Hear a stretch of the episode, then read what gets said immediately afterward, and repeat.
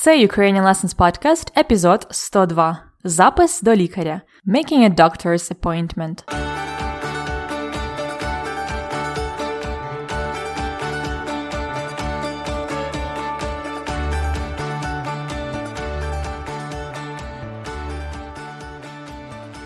Привіт!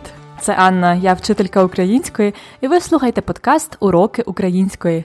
Уроки для всіх, хто вивчає і любить українську мову. Як у вас справи? У мене все чудово. А от у Христини справи не дуже. Христина це головна героїня нашого третього сезону. І минулого разу, у попередньому епізоді, вона захворіла.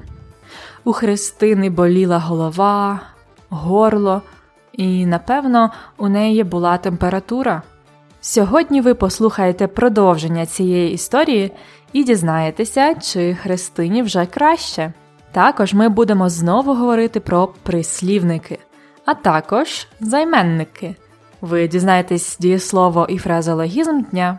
А в культурному факті поговоримо більше про українську медицину. Готові починати? So, quick translation for you. In the previous episode of the podcast, the main character of the season 3, Христина, was not feeling good. Вона захворіла. She got sick. She had a headache, a sore throat, and probably a fever. So today you will find out what happens next with all that. Also, we will talk again about прислівники, adverbs, as well as займенники, pronouns. You will learn the verb of the day and the idiom of the day. And in the cultural fact, we'll talk more about the Ukrainian medical system. Готові починати? Отже, сьогодні ми будемо говорити більше про лікарні і лікарів. Лікарня a hospital або клініка. Зазвичай клініки в Україні приватні, а лікарні державні. Ще в Україні є поліклініка. Поліклініка це великий будинок з кабінетами, у яких різні лікарі приймають пацієнтів. Polyclinica is a big building with many offices where different kinds of doctors th- see their patients. Лікарі приймають пацієнтів. Лікарня, клініка, поліклініка. Чи знаєте ви, які є лікарі українською мовою? Основний лікар це сімейний лікар. A general family doctor. Сімейний лікар. Також є терапевт. Це також загальний лікар, який лікує багато різних хвороб. Терапевт. А ось ще які є лікарі: хірург, a surgeon, хірург, гастроентеролог, гінеколог, окуліст, стоматолог, a dentist, стоматолог. І, напевно, моя улюблена назва лікаря це оториноларинголог. I loved this word when I was going to see otorhinolaryngolog when I was a kid. It's such a long word that uh, we shortened it into just lor. Lor treats вуха, горло і ніс. Lor treats ears, throat and nose. Вуха, горло і ніс. Добре. Сьогодні ви послухайте, як наша хвора Христинка записується на прийом до одного з лікарів, до лікаря-терапевта. Послухайте телефонну розмову і дайте відповідь на запитання, коли Христина має прийом у терапевта? Appointment with, with a therapist. О котрій годині? Коли Христина має прийом у терапевта? Слухайте і дізнайтеся. Клініка здоров'я. Мене звати Олена. Як я вам можу допомогти? Добрий день. Я захворіла. Здається, у мене застуда чи грип. Я хочу записатися на прийом до лікаря. Я зрозуміла. Скажіть, будь ласка, як я можу до вас звертатися? Христина. Христино, ви коли-небудь вже були в нашій лікарні? Ні, ніколи не була. Я живу в Україні недавно, я американка. Добре, це не проблема. Ви кажете, що застудились. Які у вас симптоми? Що у вас болить? м у мене болить голова і горло, температура 38,2. Зрозуміла. Тоді я запишу вас до терапевта. Е, Вас записати до будь-якого лікаря? Так, я не знаю жодних конкретних лікарів. Коли вам буде зручно прийти? Та будь-коли. Е, Сьогодні вже пізно, а завтра у будь-який час. Я можу записати вас на завтра на 8.30 до терапевта Остапенка Михайла Борисовича. Добре, мені підходить. Тоді мені потрібні деякі дані від вас. Ваше повне ім'я, Крістін Сопко, дата народження, 27 березня 1992 року. місце проживання, Київ, адреса. вулиця Архипенка, 15, квартира 96. Добре, Крістін, і я вас записала на завтра на 8.30 до терапевта. І прийдіть, будь ласка, заздалегідь в реєстратуру, ми видамо вам картку. Добре, дякую. До побачення. До побачення.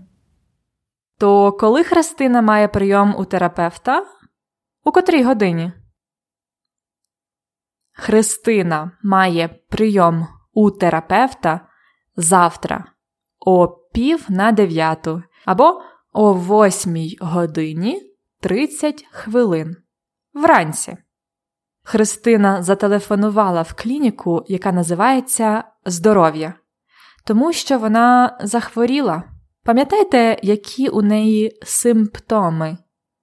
Вона застудилась. She caught a cold. Застудилась. Застуда це a cold as a condition. Застуда. Застудитися to catch a cold. Застудитись. У неї болить голова, горло, a throat, горло. У неї також температура 38,2. Centigrade, of course. Секретарка пропонує записати Христину до терапевта, до будь-якого лікаря, бо Христина не знає жодних конкретних лікарів. Христина doesn't know any specific doctors, конкретні лікарі. Тому її записують до Остапенка Михайла Борисовича. Це терапевт. Секретарка записує деякі дані, деякі дані, some data, some information about Христина, її повне ім'я, дату народження, місце проживання, place of residence, адресу в Києві. А також Христину попросили прийти раніше, щоб видати їй картку. To give her a card. Картка. В лікарні чи клініці в Україні кожен пацієнт має свою картку. Це така книжка з історією прийомів і історією хвороб. Там є всі хвороби, всі дані про людину. І на цьому розмова закінчилась. Христина піде завтра до свого першого лікаря в Україні. Будемо сподіватись, він її швидко вилікує. Побачимо наступного року. А поки що, ось нові слова, які ви вивчили сьогодні: терапевт, a therapist, застудитись, to catch a cold, застуда, a cold, горло, a throat, конкретний, specific, проживання, residence, картка, a card in the clinic. А зараз послухайте ще раз діалог, щоб зрозуміти його краще. Клініка здоров'я. Мене звати Олена. Як я вам можу допомогти? Добрий день. Я захворіла. Здається, у мене застуда чи грип. Я хочу записатися на прийом до лікаря. Я зрозуміла. Скажіть, будь ласка, як я можу до вас звертатися? Христина. Христино, ви коли-небудь вже були в нашій лікарні? Ні, ніколи не була. Я живу в Україні недавно, я американка. Добре, це не проблема. Ви кажете, що застудились. Які у вас симптоми? Що у вас болить? м у мене болить голова і горло, температура 38,2. Зрозуміла. Тоді я запишу вас до терапевта. Е, Вас записати до будь-якого лікаря? Так, я не знаю жодних конкретних лікарів. Коли вам буде зручно прийти? Та будь-коли. Е, Сьогодні вже пізно, а завтра у будь-який час. Я можу записати вас на завтра на 8.30 до терапевта Остапенка Михайла Борисовича. Добре, мені підходить. Тоді мені потрібні деякі дані від вас. Ваше повне ім'я, Крістін Сопко, дата народження, 27 березня 1992 року. місце проживання, Київ, адреса. Вулиця Архипенка, 15, квартира 96. Добре, Крістін, я вас записала на завтра на 8.30 до терапевта. І прийдіть, будь ласка, заздалегідь в реєстратуру, ми видамо вам картку. Добре, дякую. До побачення. До побачення. Now let's listen again to some parts of the dialogue to discuss some special and very useful words in Ukrainian, specifically adverbs and pronouns. Have a listen. Христино, ви коли-небудь вже були в нашій лікарні? Ні, ніколи не була. The adverb here is коли-небудь or коли-небудь with a hyphen. Христино, ви коли-небудь вже були в нашій лікарні? Христина, have you ever been to our hospital? Коли-небудь means ever or whenever or at any time of the day. And uh, there are many other adverbs and pronouns that end with небудь. They would all have similar meaning of some or any in the questions and negative sentences.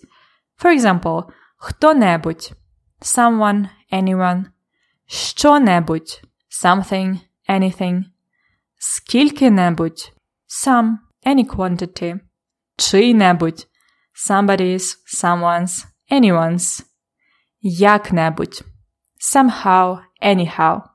All these words we spell with hyphen, so before небудь. Добре? А зараз послухайте ще один уривок. Е, Вас записати до будь-якого лікаря? Так. Я не знаю жодних конкретних лікарів. Вас записати до будь-якого лікаря? Should I sign you up to any therapist? Будь-який лікар. Any doctor. And here it means any out of many. You don't mind which one exactly. Будь-який is actually very similar to який-небудь. Будь-який. It also has a hyphen between будь і який. And this будь can be also used with other words like будь-хто, anyone, будь-що, anything, whatever. Будь-де, somewhere, anywhere, wherever. Будь-коли, sometime, someday, whenever. Listen to some more examples with будь. Коли вам буде зручно прийти? Та будь-коли. Е, Сьогодні вже пізно, а завтра у будь-який час. Коли вам буде зручно прийти?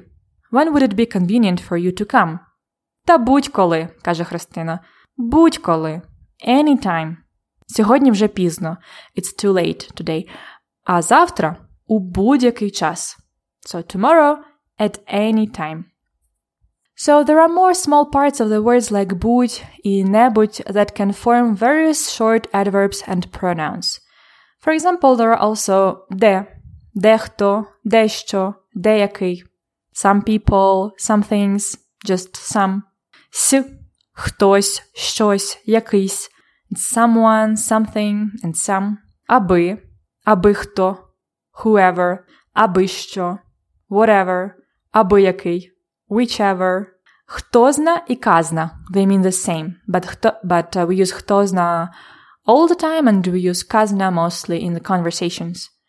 Хто зна хто, казна хто, God knows who. хто зна що, God knows what. І хто зна який, God knows which.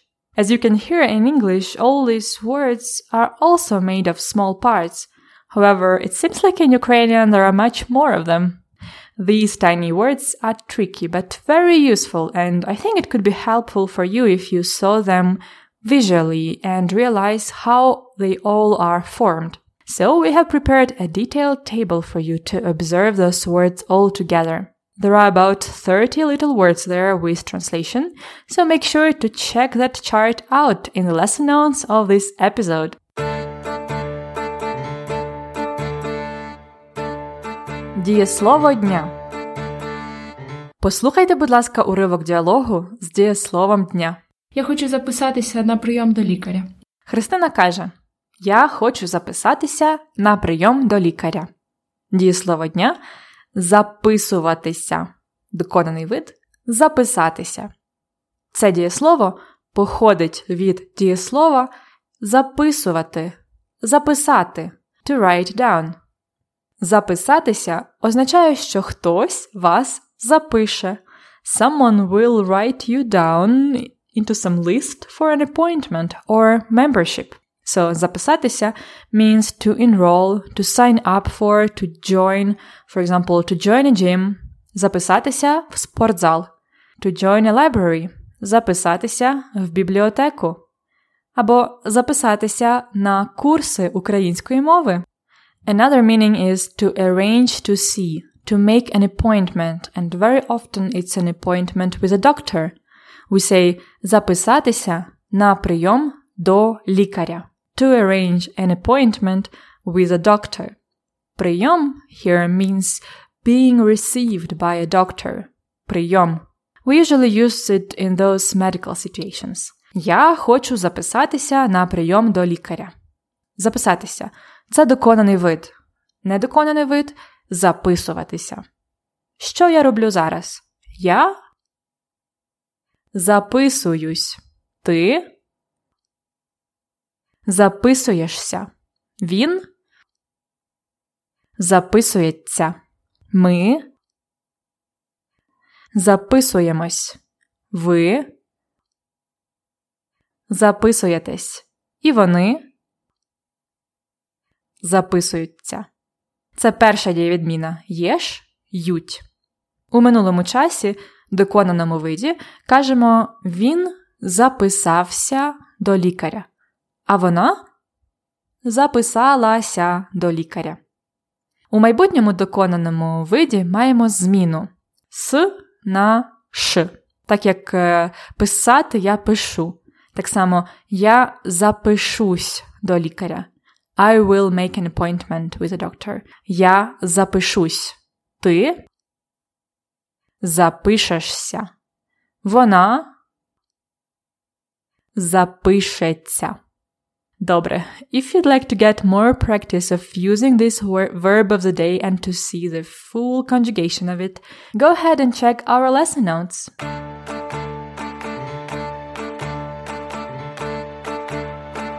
Фразологізм дня.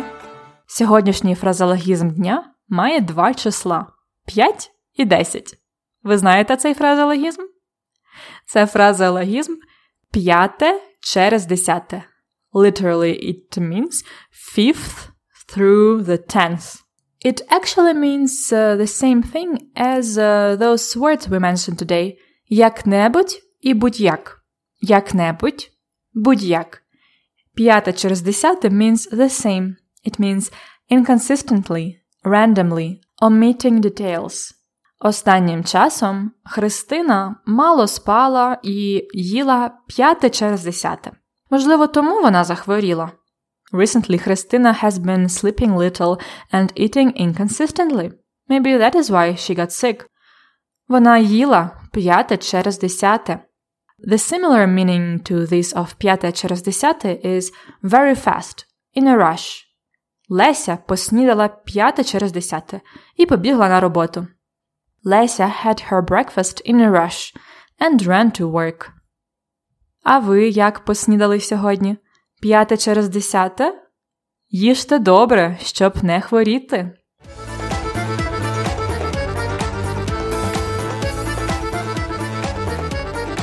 Культурний факт на подкасті. Let's talk about українська медицина. Ukrainian healthcare. In general, it's a part of the universal healthcare system, and it should be free of charge for all Ukrainian citizens. However, in reality, the situation is quite complicated, although it's improving these years. In some cases, Ukrainians can go to the doctor and be examined completely for free, especially when we talk about the basic needs, general doctors, and common illnesses. But in other more complicated situations, when people need serious operations or they have a disease, they would need to pay for it. And since so far the medical insurance is not popular in Ukraine, it can get tough to pay a big sum of money for the operation, for example. However, the good news is that things are changing now with the current Minister of Healthcare, Uliana Suprun. Just like Christina, she is an American of Ukrainian descent. She moved to Ukraine and now, being a part of the current government, she started to make changes in the Ukrainian healthcare, increasing the budget for the hospitals and salaries for the doctors, and making the system overall easier and more organized. This has just recently started as I speak at the beginning of 2019. Also, we have private clinics that, uh, as a foreigner, you can go to. You simply have to pay for the services, which usually are much less expensive than in the most of the Western countries. Also, Ukraine has good medical universities, so we have plenty of good professional doctors. І це все, що я хотіла розповісти вам про медицину в Україні.